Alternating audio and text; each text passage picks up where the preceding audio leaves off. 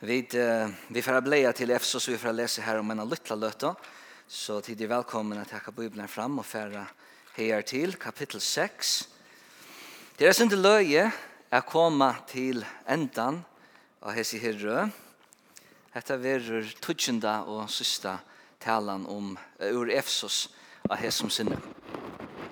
Jeg får røyne ansa etter å passa feriene til meg, så at det ikke verur til å at omsetta. Eh annars så ehm så man kanske bara lägga in i själen, så det helt galet. så ehm ja.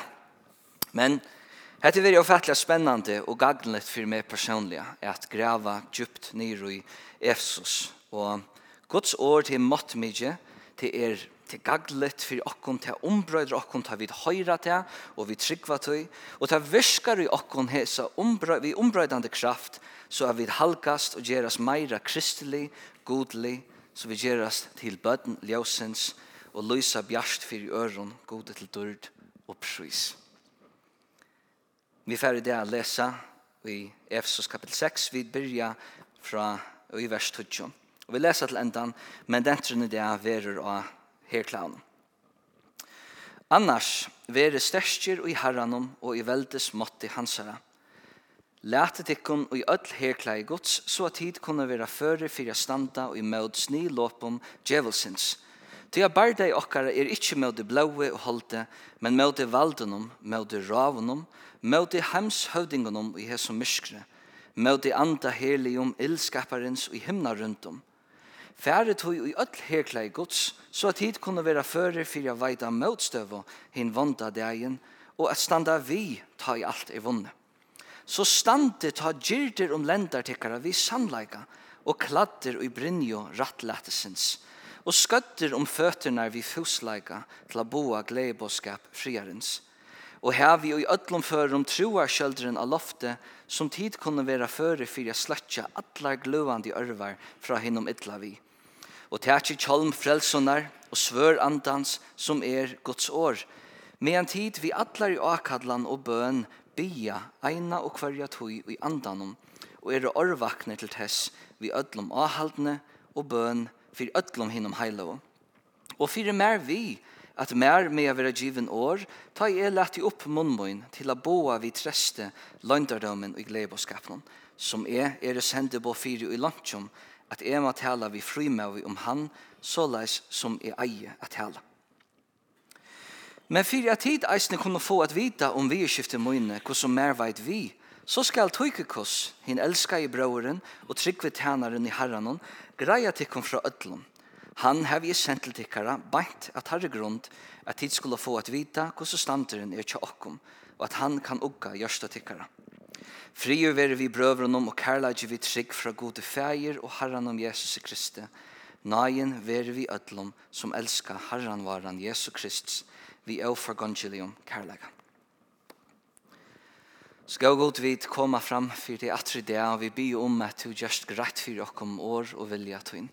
At det ikke må være mann og år vi vid uh, høyre her det, men år tøyne som oppbytja og stimpra og ledja okkom kaos.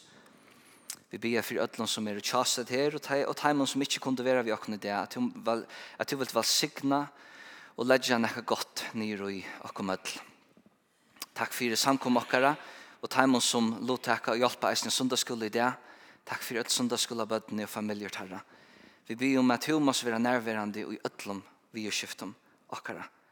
Og at vi er skiftet okkara må være tøyne vi er skiftet vi vil ledja åkken etter. I Jesu navnet. Amen. Jeg har valgt å kalla talene i det for herna var kall og tilbyggving hins einstakka kristna. det er så leis er hetta som vi tar hørst i det. Det er et herna var kall og det er en tilbyggving som fyr fram. Og jeg som døvun er det ikke sørst alvarsamt at oss om det. Um, og vi har trutja større iverskrifter og vi får sutja hos negv av hverjar vi slipper at kavan i røy i det. Den ene er hetta å vera stersk i herranen og standa i møte snilåpen og valdum. igjen har vi sjølva tilbyggvingene, til hernavarlige tilbyggvingene, tar vi lett og nui herklæine og hva dette mestjer. Og til endans, at avhaldande bøn er samand vi herklæine og er eisne okkar andlega strøy. Tan avhaldande bøn. Så Jeg synes ikke det som nekko er og fættelige olvarsamt. At vi er ui en krutje om vi vilja til eller ei. Det er størst strøy som herjar av rundt om okkon. Og kanskje nøkra okkon er og pura blaøgt og vet ikke om hetta.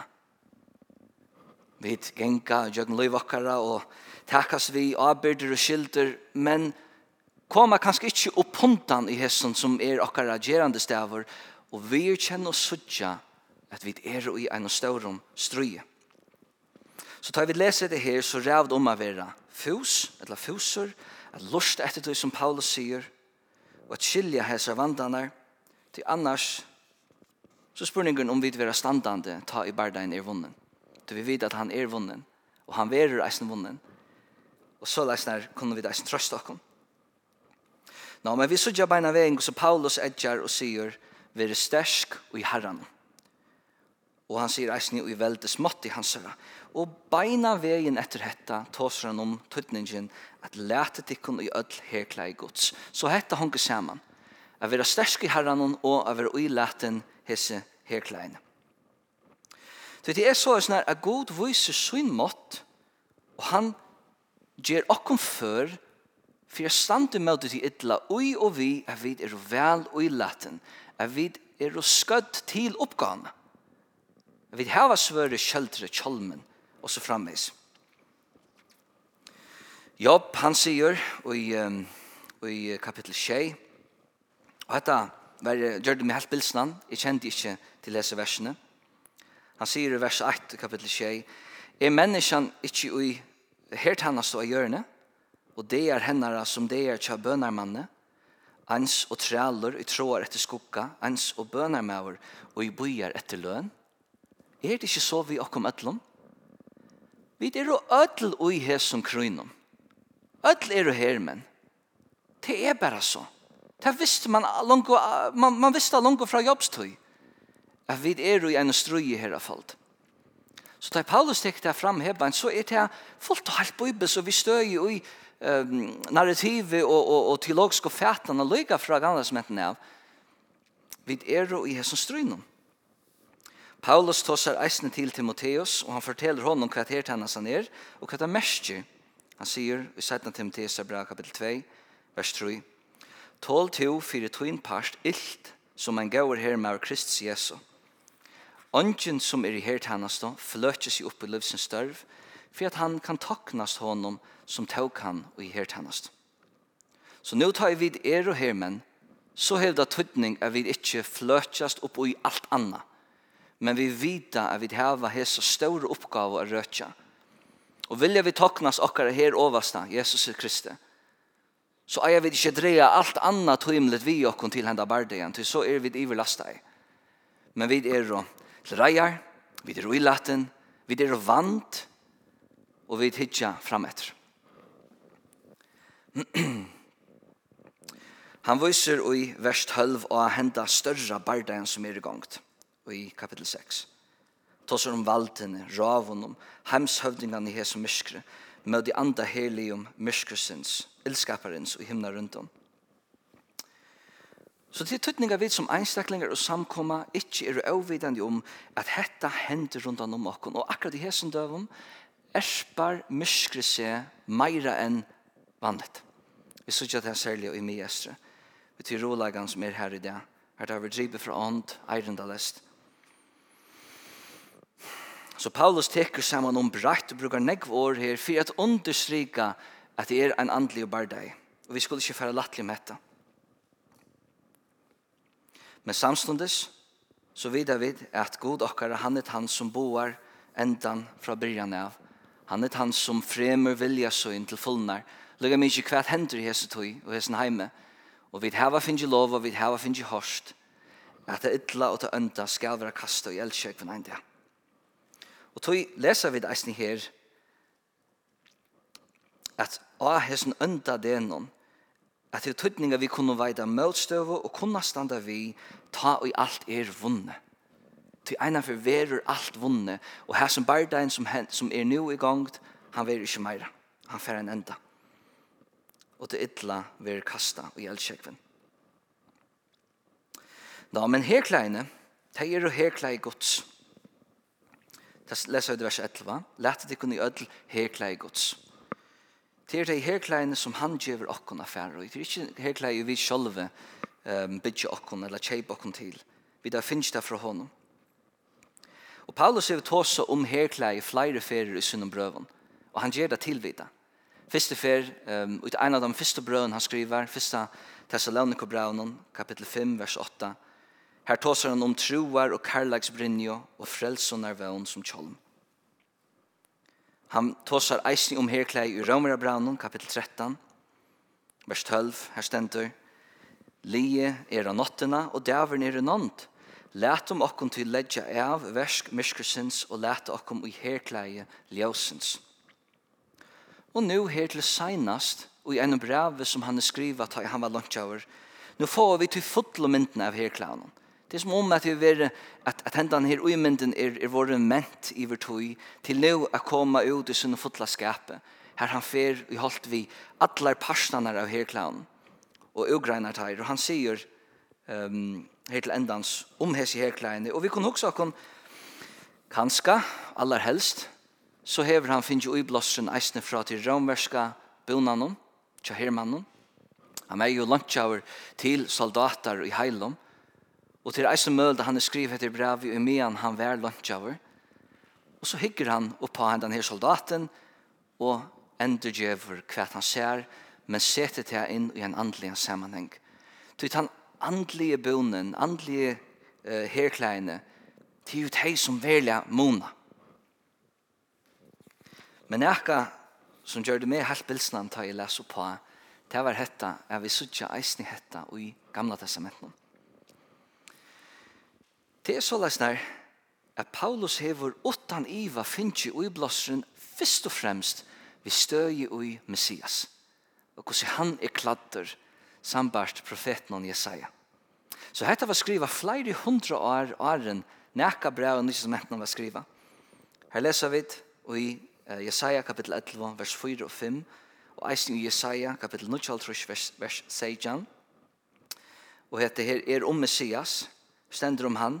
Vi rattvise skal han døme henne fatakko og skipa ratt vi rattlete fyrir om neistøtta og i landen Han skal slåa ivgengskroppen vi språta munnsons og drepa hin godleisa vi anda varra syna. Rattfer skal være belte om lendar hans og troskaper belte om mjadnar hans. Og så kapittel 9, vers 16. Han lät sig och i rattläte som i Brynjo, sette frels och tjolmen sär och höver. Han får i hävndarbonan och svajpa i sig och i kyttjo vandlätesens. Så tar vi läsa om te andliga, kristliga, herkleine och hese som vi finner ikke gandas med noen, så er det hette suger av Messias, hette suger av gode, av hans personleika og av til versen som han har framt, Og hesa søgjerne er vi nu utgjørt vi, som kristen. Det er Guds herklei vi tar finnes.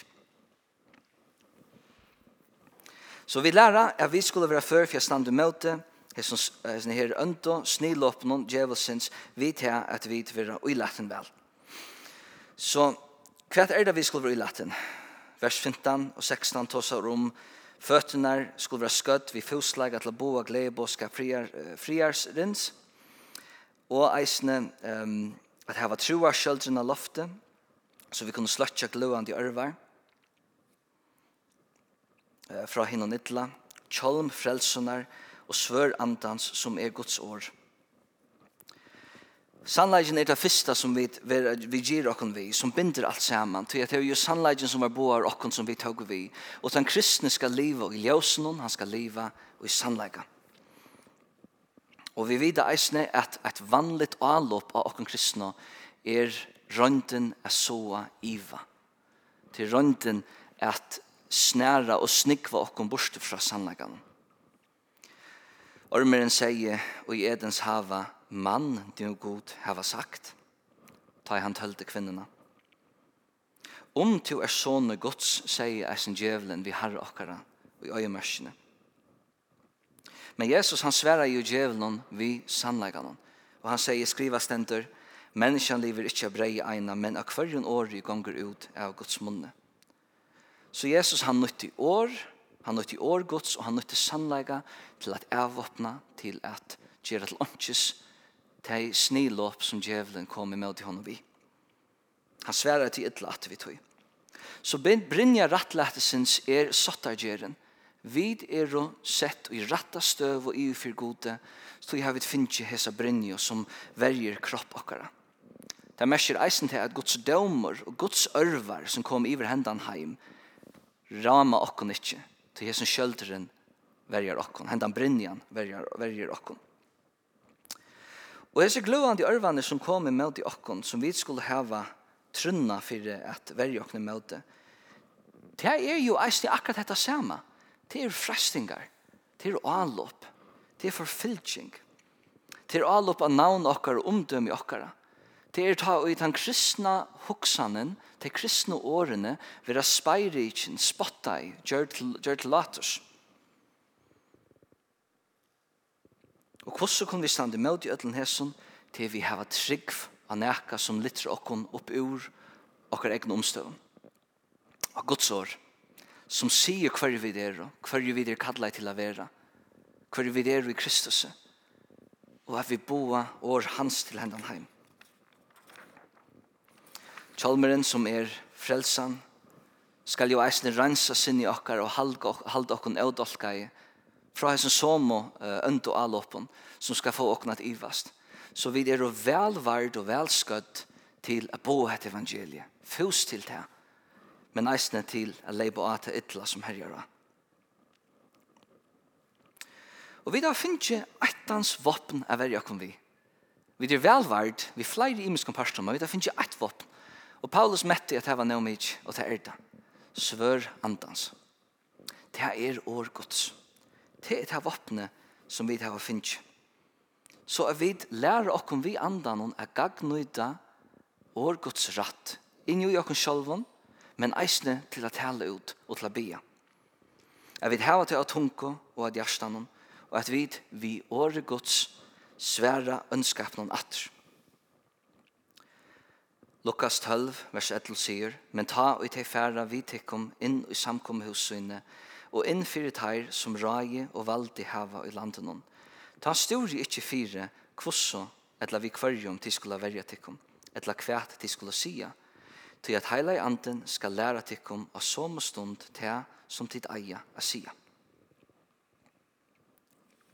Så vi svørenon kunne vi øyeledja og, og nyrtrytja ödles i ønd og alåpne. Vi kunne herje av myskre og gjøre det til lunches. Tog at om vi fæta teksten og godt som han stender og vi nøyde han rett vi trygg så kan han gjøre til åndsje seg selv opp. Og han kan bråda nyer til ytla og bygge opp til vekra som god atler. Salmi 119 har for meg finnet særlig en tøytning mer og mer um, jeg vil si at jeg vinner fram og i kærleggen til Guds år. Til Salmi 119 er først av den største kapitlet i Bibelen og alle de kapitlene snur seg om at grunde iver og at elska Gud og at um, kvile ui Guds år. I vers 9 lesa vi Vi kvarjum skal unger halda leisina reina vi at halda sig etter året tøynum.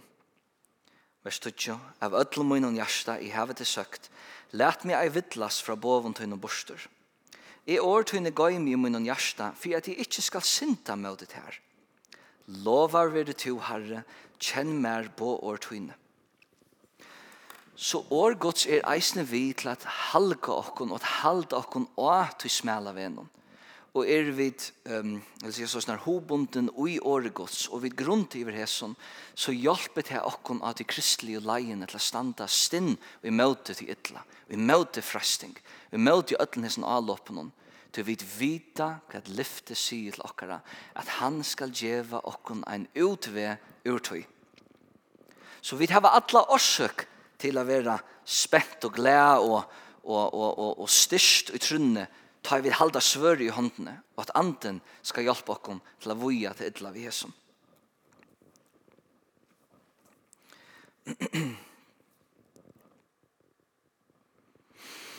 Så kommer vi til hetta at vi skulle være avhaldande i bøn, vers 18 og til 20. Og han byrjar beina vegin ved å sija mean tid vi atlar i akkall. Han brukar året mean, han ender sikkert mer enn eina fyrir. Så at alt hitt skal henta. Vi styrkja okkon og i herranon, og i veldes mått i hans. Vi, vi leta okkon og i hessa brinjina og hessa klæjene som han djever. Vi får svøre som han hever giv i okkon. Det som han sjolver hever i latten Vi får hetta.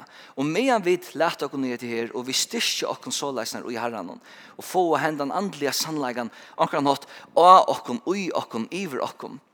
Medan alt det henter, så skulle vi vi alle i akadlan og bøn, bia, eina og kvarja tøy, og er å orvakne til tess, vi ødlom ahaldne og bøn for ødlom hinnom heilavom og så eisne for Paulus, han, han legger av okken at vi skulle ikke gjeve opp, vi vil være eutrøttande, eutømande, at vi øyse ut i bøn, utan steg, utan uihald. Han nevner til eisne i ærastendes akkurat det samme hatt, utan uihald. Og nå er det så lagt at han, det virker som at han ugreinar i mislø av bøn, og akkadlan og bøn som vi blir en ene kvaratøy, og vi er orvætjen og avhaldande, Det er jo så løsner at vi har kristne skilter og oppgaver som kanskje eisen gjøre til at vi ikke til en og hver tog kunne reise oss opp og bya en av bøn herst. Det er jo ikke bare at han bønnen som Paulus også har om. Men det er den stotta, andalige bønnen, tar heila og tankene som vi genga vi, djøkken om dagen. Tan løtan her vi løyga trakka til søyes og andadjupt og øysa hjärsta til god. Det som vi hørte som vi nå legger fram for god. Det som vi skulle løse som vi nå legger fram for god.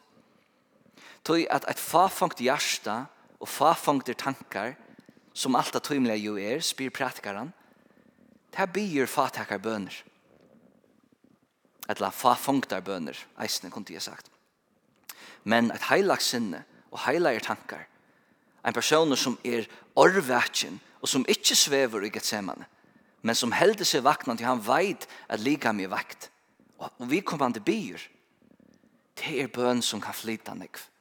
Det er en bøn som gir mån, og Paulus har sagt om, om så vær. Om så ikke vær.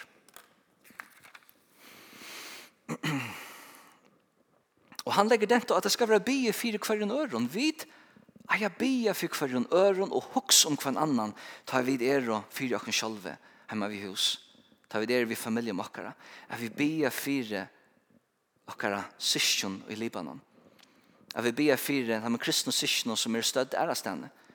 Ta med kristne som er stødd i Israel og i Palestina. Til herre kristne som er ba min vi, og ta er syskjon okkara. Vi skal bia for taimann eisne, vi tar med rævlig omstånd til nå sida omframt sjalvante ödlan øron her i hesen døven. Jeg vil røsk eisne a bia for Paulus sier han. Han vil eisne hava forbønn. Hvor skulle du tro at han møte apostelen Paulus i tørv av? Men han var jo eisne i lunsjen. Og han sier så leisne att at han skal være bygge for seg så at han skal kunna få år. Til avhverst at, at han skal si at han behandler maten.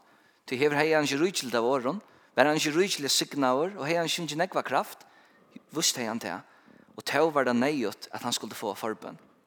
Så vi får eisen her en av meg i reglom, som er Abia 4 øren, øren som underviser og tala og er 20.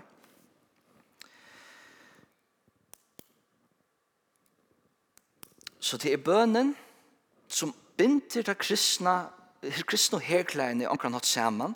Hun kommer inn her på en vi enda noen av her sier, is is en list is en ramsen av av kvar en klav om man ska rulla och så säger han nu mer om vi låter gå nu kan man säga så är det vi bia. Så det binder knyter allt samman och det lägger og och kon hesa arbetna att vi inte tröttast men at vi halda av i bønne tog jeg vidt vita at fudgjenden han er måttmidgjel, men eisen tog jeg vita at herri okkara er all måttover. Så selv om fudgjenden er måttmidgjel, og vi ikke megna stande med i honom sjølve, så er god velfører for det, og han er velfører for å gjøre åkken for, for å standa i møte til. Så at vi vera standande til det at jeg alltid vunnet. Så til nekka som skal røres opp i åkken, vi skal være kvakt opp til bøn av hesen åren og Paulus. Så tar Paulus eisen sjølver hevet harva forbøn, så vera vi mynt av bya fire. Øron rundan om åkken som hev oppgaver, ens og han. Og han vil de hava treste til å kunne boa hendan løndardommen. Og i Romarbrand kapittel 1, vers 16, her tåser han om eisne hva det er og han boar. Han sier, «Ty at jeg skammest ikkje vi glede bådskapen», Romarbrand kapittel 1, vers 16, «Ty jeg skammest ikkje vi glede bådskapen, ty han er Guds kraft til frelse, for kvönt han som tror, bæg for jøda fyrst og sujan for grikka. Ty er rattvise Guds verur i hånden oppenbæra av trygg til troar, ein som skriva stendur, men hin rattvise skal liva av trygg.» Og den løndardommen som han her som vil bo er et år som vi høyre atter. Det er ikke først før vi høyre året løndardommen i Efsos. Seina så han nevner det at han var i kapittel 5, og han tar seg om dette eina lika Herr her Kristus er høtte, som er jo en løndardommer, og som eisen tjunabanden, tjunabanden er en uimend av. Og eisen i hetta, som eisen er aktuelt akkurat i det, at han er av jødanen og grikkanen, gjør det et likam, at han er føringen og utlendingen gjør det et kristeligam er videre syskjen Lugga mig hver fra vi kom hesen heime så langt som vi der tvåa i blå lamsens og jeg finner andan som pant og innsikle. Hette den store landardomne båskapen som Paulus byr okkom bia for se til å kunne ha dirvet til å kunne tala og få år til å tala. Så vi skulle bia for troboaren om som vi hava i det. Og taimen som tala, taimen som tala i årene. Og Bant nu hugsi eisni om Høgna og Shamailo, som er i Pakistan, og bo og gods år, her som uh, kristen pakistanar hava iver til søsta tujarskai oppleva av fæteligane herra og eggvislige forfylging. Og i ötlun tog i meldren hon her er tei færen og i lydne og i dirve til å bo av gods år, til å styrkja og at oppbyggja samkomna som er her. Jeg halde det var fætelig størst. Så tei skulle vi eisne bia fyrir.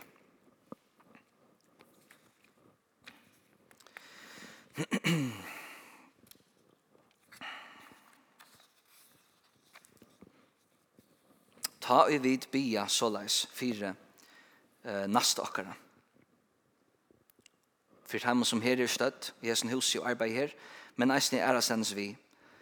Så er vid vi til a samstarva akkurat nått vi gode og jeg fremja nekka helt avvist. Og et av dem nek av tog som verer framt, det er til at vi er vi til at møtarbeida og gjøre til åndsjes til kjøtlige som kan være i okken som kan arbeide møte, så som øtte, ive, liggen, falskleidje, anna lukt hesum som er vitla til å til reino, boane av Guds år. Så tar vi bia så leser og uttrykk og alle til Guds år, så fremmet han ekka, det hever han avverskan og hese tog som vi lever i. Så vi eier at herje og i bønne, vi eier å være klødd til dette, og være spent om jeg ser her oppgave vi tar finnes, og gjør henne til løyter. Så kommer han inn og en av personlig helsen, han nevner ikke om at Tøykikos skal være vi og fortelle til ham, så de kunne vite for nøren. Jeg har det her nekk, man kan holde jeg fra hessen, som jeg har det var avhåverst. Men til enda så kommer han vi en av helsen, en av andelig helsen, I grunden vi samarbeider vi ta første og tve versene i Efsar Braunen, så er det en endertøk av det samme. Det er den samme helsanen her han sier, Nøyen vil vi ødlån som elsker uh, herravaren Jesus Krist, vi er forgønnskelig om kærleika. Det som er beit mest i her, bare til at kærleikken vil nevnt det trudja for. Han sier, «Fri vil vi brøveren, og kærleikken vi trygg fra gode feir og herran Jesus Kristus, Nagen ver vi ödlom som elska, kærleikin at elska herran vara Jesus Krist, vi er for gongelion. Så er trutja ferir kærleikin kommer fram og at elska kommer fram. Og jeg halda sømme seg vel og gjennom brave, her som kærleikin gods, kærleikin Krist og kærleikin kjattam kristna til hver annan hever vere så skjønnlig evne gjennom alt brav. Jeg vet her, omkring nåt, få Jeg slår av uh, summering, jeg slår av sammenhåndtøk vi enda. Så hva skal dette gjøre vi okkom? Hva skal hesen syste båtskaperen og kanskje brev i sin held gjøre vi okkom? Det skal kveitja nekko i okkom. Det skal besta ein sterskan ho og driv meg til det verste som er å gjøre okra mittlom. Paulus hever vi nekvon, meton, årom og djupon bådskapet gjøkken alt dette brevet elt og edja til et skjønnligt, måttmykje, kristelig liv, her vi leva til i takksumme og i godsøtta. Du vid hava anki i okken sjolve, a røs okken av, det gjør det han så ofertelig greit i um, kapitel 2 i Efsos, at han elskar i okken medan vi den var lengt borstre, medan vi var syndarar, bøtten og lytten sinns. Um, Og av til at, og, og, og hese som høyra brevet, hese som var i Efsos, de var jo eisne utskott i tatiga samfunnet, og de visste kanskje akkurat hva det var som Paulus sier til. Men vid og i det, og i de tøymelige velferdene som vi lever i, vi er jo i en vanta, for omkring nått, er være gødd til slaters av disse tøyene vi lever i. Er være fyreiga til å være avhøgt, Så jeg vil kanskje ikke vite av hesson, at det er ein myskur tog jeg det er ein, ein, ein prinser iver eh, herlin i luftene, det er ein, ein ante som avvirskar bøtten av løyden og vi lever i sin heimnon, og vi vera avvirskar av hånden, om vi ikke rakna vi. Og tog må vi være orvetjen. Så vi kunne takka gode at han vi søgnen året har gjørst det greit for okkon, kvært vi stand i og hva vi er oppe med. Så han har kallat oss till dessa uppgavna så vi är inte ge vetter. Vi skulle vara oikladd till verste som han har gjort for oss så vi er før for jeg jag med det, og ta skulle vi eisne megna til, att det er ikke i akkurat kraft men hans är.